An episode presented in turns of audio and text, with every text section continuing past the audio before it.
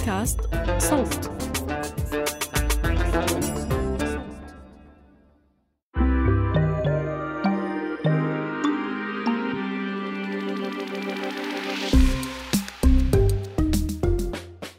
تخيلوا معي. دائرتين ونص بيض بيشبهوا القمر على خلفية سوداء. لوحة فنية رقمية. استنت رزقتها وانباعت أخيرا بليلة والله العليم ما فيها ضوء قمر. في 6 ديسمبر كانون الأول سنة 2021 ب 91.8 مليون دولار. اللوحة اللي انباعت تحت عنوان The Merge من فنان رقمي اسمه باك رجعت انباعت قطع. آه آه عادي زي الكيكة. قسموها افتراضيا لأكثر من 300 ألف قطعة وتوزعت هالقطع على أكثر من 28 ألف مشترية ومشتري. وهالموضوع كان وما يزال غير مفهوم للمعترين زي وزيك. بس عادي جدا للناس اللي فاهمين شو يعني جملة انباعت على إنها NFT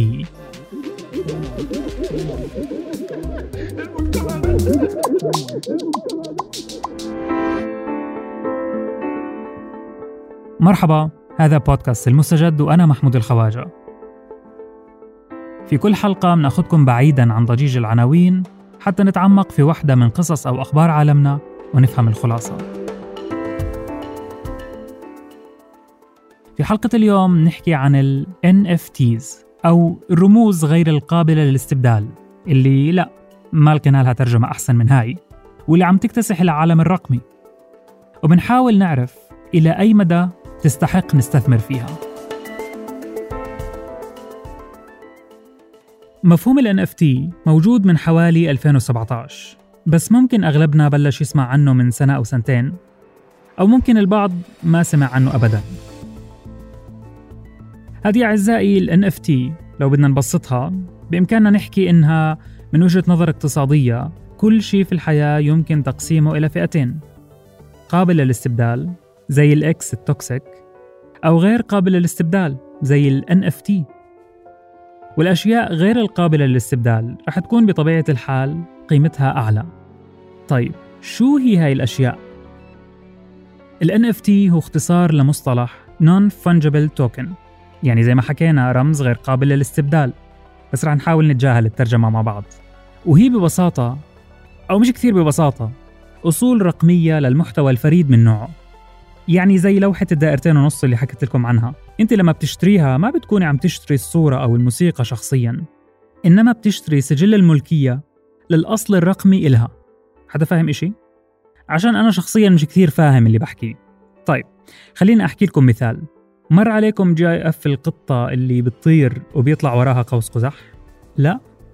تركنا لكم رابط في الوصف. شوفوه أنتوا عم تسمعوا المهم هاي الصورة إلها أصل رقمي زي بصمة. ما بيتغير أو بيضيع حتى لو صار في من هاي الصورة ملايين النسخ.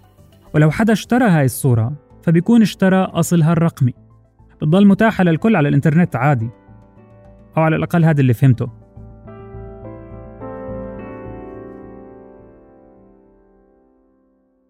هذا الحكي كله صار مؤخرا. قبل 2017 ما كنت بتقدر تبيعي رسمة رقمية أنت رسمتيها. وتضمني إنه الشخص اللي رح يشتريها هو الشخص الوحيد اللي رح يكون قادر يحتفظ فيها. عشان ممكن جدا حدا يكبس right click ويعمل save image وببلاش بدون ما ينعرف مين المالك الحقيقي للصورة. ظهرت تقنية اسمها ال blockchains أو قواعد البيانات التسلسلية. بإمكاننا نعتبرها سجل عام بيحفظ كل معاملات التحويل يعني البيع والشراء اللي بتصير في العالم الرقمي. زي البنك العادي عندنا على كوكب الأرض. وبتستخدم هاي القواعد عملات رقمية زي البيتكوين مثلا. وهاي العملة مش قليلة تفكروش يعني. فيها smart contracts أو عقود ذكية. تكتب فيها الحوالة تمت بين مين ومين. ومش بس هيك كمان بتذكر اسم الشخص اللي بيملك الصورة اللي انتشرت. فصارت سمر محمود مثلا بإمكانها تشتري رسمتك الرقمية وهي مطمنة عشان حتى لو محمد وسمير وهدى كانوا محتفظين بنسخة من الرسمة على أجهزتهم بتضل الصورة مسجلة على قواعد البيانات هاي باسم سمر محمود.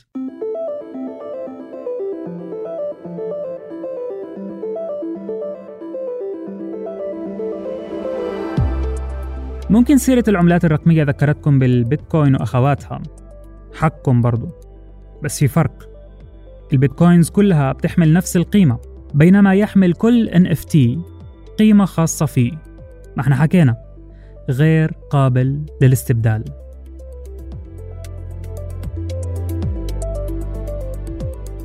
طيب نحاول نفهم الموضوع على قدنا. هاي الرموز غير القابلة للاستبدال.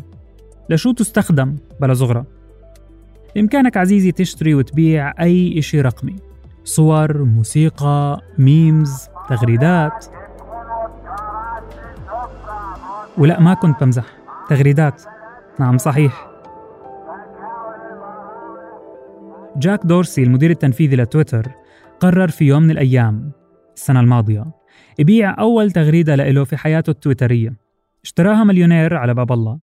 ب 2.9 مليون دولار من طرف الجيبة. بس لحظة. هذا المبلغ فعلا يعد من طرف الجيبة مقارنة بمبالغ أكبر اندفعت لشراء NFTs من حول العالم. A digital artwork by a relatively unknown American artist known as Beeple has sold at Christie's for nearly $70 million. That's 50 million pounds and become the first ever sale by a 11 مارس آذار 2021 كولاج رقمي للفنان القدير بيبل مكون من 50 ألف رسمة رقمية بينباع ب 69 مليون دولار Jesus Christ, what the hell? Oh my god! 50 million!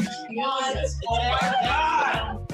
69 million? I think it probably means. والموجة عم توصل للمنطقة العربية شيئا فشيئا اليوم مشاهدينا في صباح الخير يا عرب ضيفتنا فنانة تشكيلية مزجت بين حبها للأزياء وتصميم الجرافيك والفن والرسم في لوحات مبتكرة عبرت فيها عن الجمال والحب في مختلف المواضيع كريستال بشارة أول فنانة تشكيلية في الشرق الأوسط طرحت أعمال فنية رقمية من خلال الرموز غير القابلة للاستبدال اللي هي NFT كريستال بشارة قدرت تبيع حوالي 30 عمل فني رقمي حتى الآن.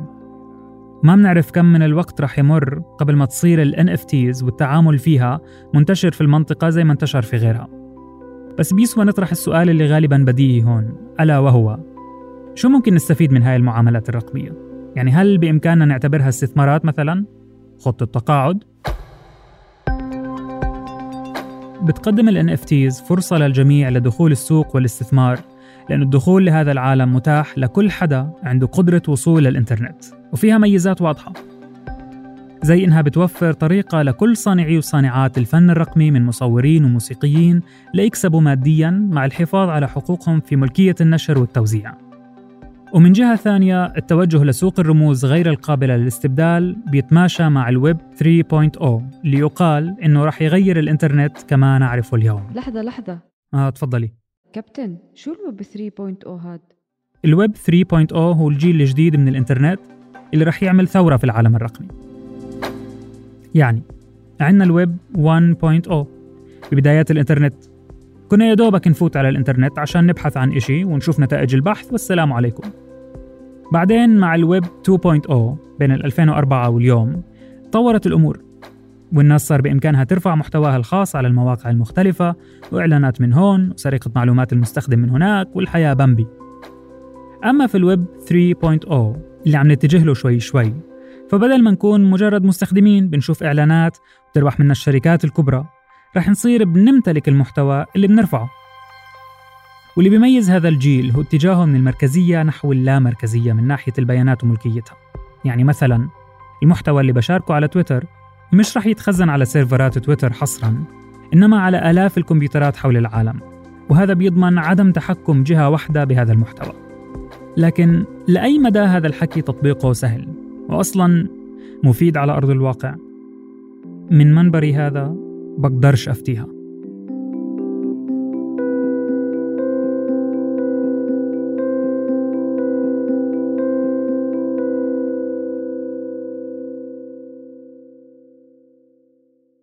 الصحيح إنه فيش إجابة مؤكدة حول مستقبل ال NFTs لأنه الدنيا زي المرجحه يوم فوق ويوم تحت. يعني مثلا حجم التداول لهذا النوع من المحتوى وصل 17.6 مليار دولار سنة 2021 يعني زيادة قدرها 21 ألف بالمية عن 2020 أما في يناير كانون الثاني من سنة 2022 فانخفضت نسب البحث عن ال NFT في جوجل بنسبة 58% أرزاق بس برضو بحطش في ذمتي بدناش يصير فيك زي ما صار مع جدك اللي رفض في زماناته يشتري الأرض أم العشرين دنم لما انعرضت عليه بتراب المصاري واليوم بتنباع بالملايين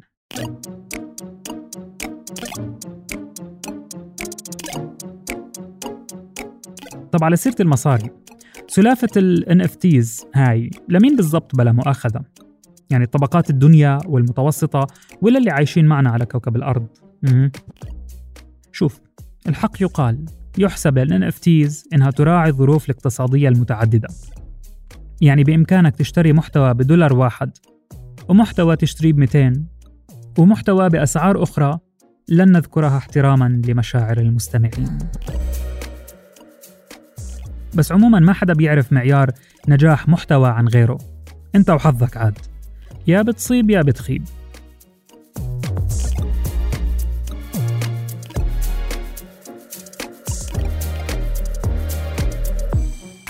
طيب لنفترض حبيت أدخل هذا العالم وأبدأ أتعامل بال NFTs شو الخطوات اللي المفروض أعملها؟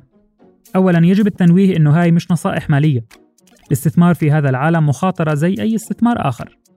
بننصحكم تطلعوا على مصادر متعددة قبل ما تاخذوا قرار زي هاد. بس لنفترض إنكم أخذتوا القرار توكلتوا على الله. الخطوة الأولى رح تكون إنكم تلاقوا السوق الرقمي اللي رح تشتروا منه.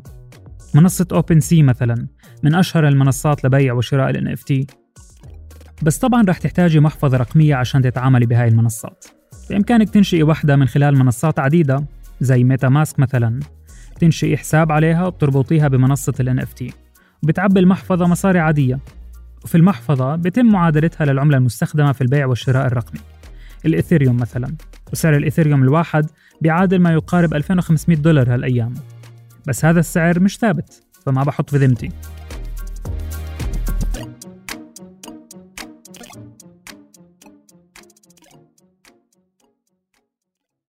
وزي أي موجة بتطلع في العالم أيا كانت ما بتخلو من الجوانب السلبية. مثلا تأثيرها على البيئة. أجهزة الكمبيوتر المستخدمة بتشتغل بناء على سلسلة البلوك تشين اللي بتشتغل على مدار الساعة لحساب وتوثيق كل تحويل بيصير في سوق ال NFT وإنه تضل السجلات متاحة للجميع وهذا طبعا كله مش ببلاش. بتستهلك هاي الأجهزة كميات ضخمة جدا من الكهرباء اللي بيتم عادة توليدها عن طريق حرق مصادر الطاقة غاز وفحم والذي منه. وهذا كله بيزيد انبعاثات ثاني أكسيد الكربون اللي بتهدد المستقبل المناخي للأرض.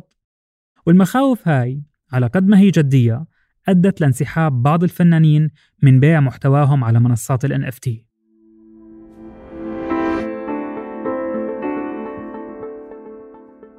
حتى بعد ما فهمنا مبدأ ال NFT شوي ممكن نضل عالقين عند السؤال شو بده يخلي حدا يدفع مبالغ ضخمة على محتوى متاح منه نسخ للجميع على الإنترنت؟ ممكن المحتوى لأنه رقمي عم بنسينا ممارسات شبيهة كنا نعملها زمان. مثلا امتلاك لوحة فان جوخ رح يكلفك ملايين الدولارات. مع أنه اللوحة نفسها موجودة كصورة رقمية وبجودة عالية على الإنترنت وببلاش. هون كمان ممكن نستعين شوي بالتحليل النفسي اللي بيحكي إنه نظرتنا لمحتوى معين ما بتتأثر بحواسنا فقط وإنما بمعتقداتنا ومعرفتنا حول هذا المحتوى. يعني بالعربي لما أطلع على صورة بعرف إنه سعرها ملايين الدولارات. غالبا ما راح يكون نفس شعوري لما تكون أمامي النسخة المجانية منها. هذا والله أعلم.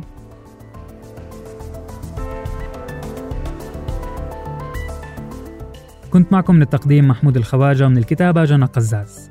أدت مهمة البحث ميس نصار والتحرير عمر فارس والهندسة الصوتية محمود أبو ندى. اشتركوا بقناة المستجد وين ما كنتوا عم تسمعوا هاي الحلقة لتوصلكم تنبيهات بالحلقات الجديدة. بودكاست المستجد من إنتاج صوت.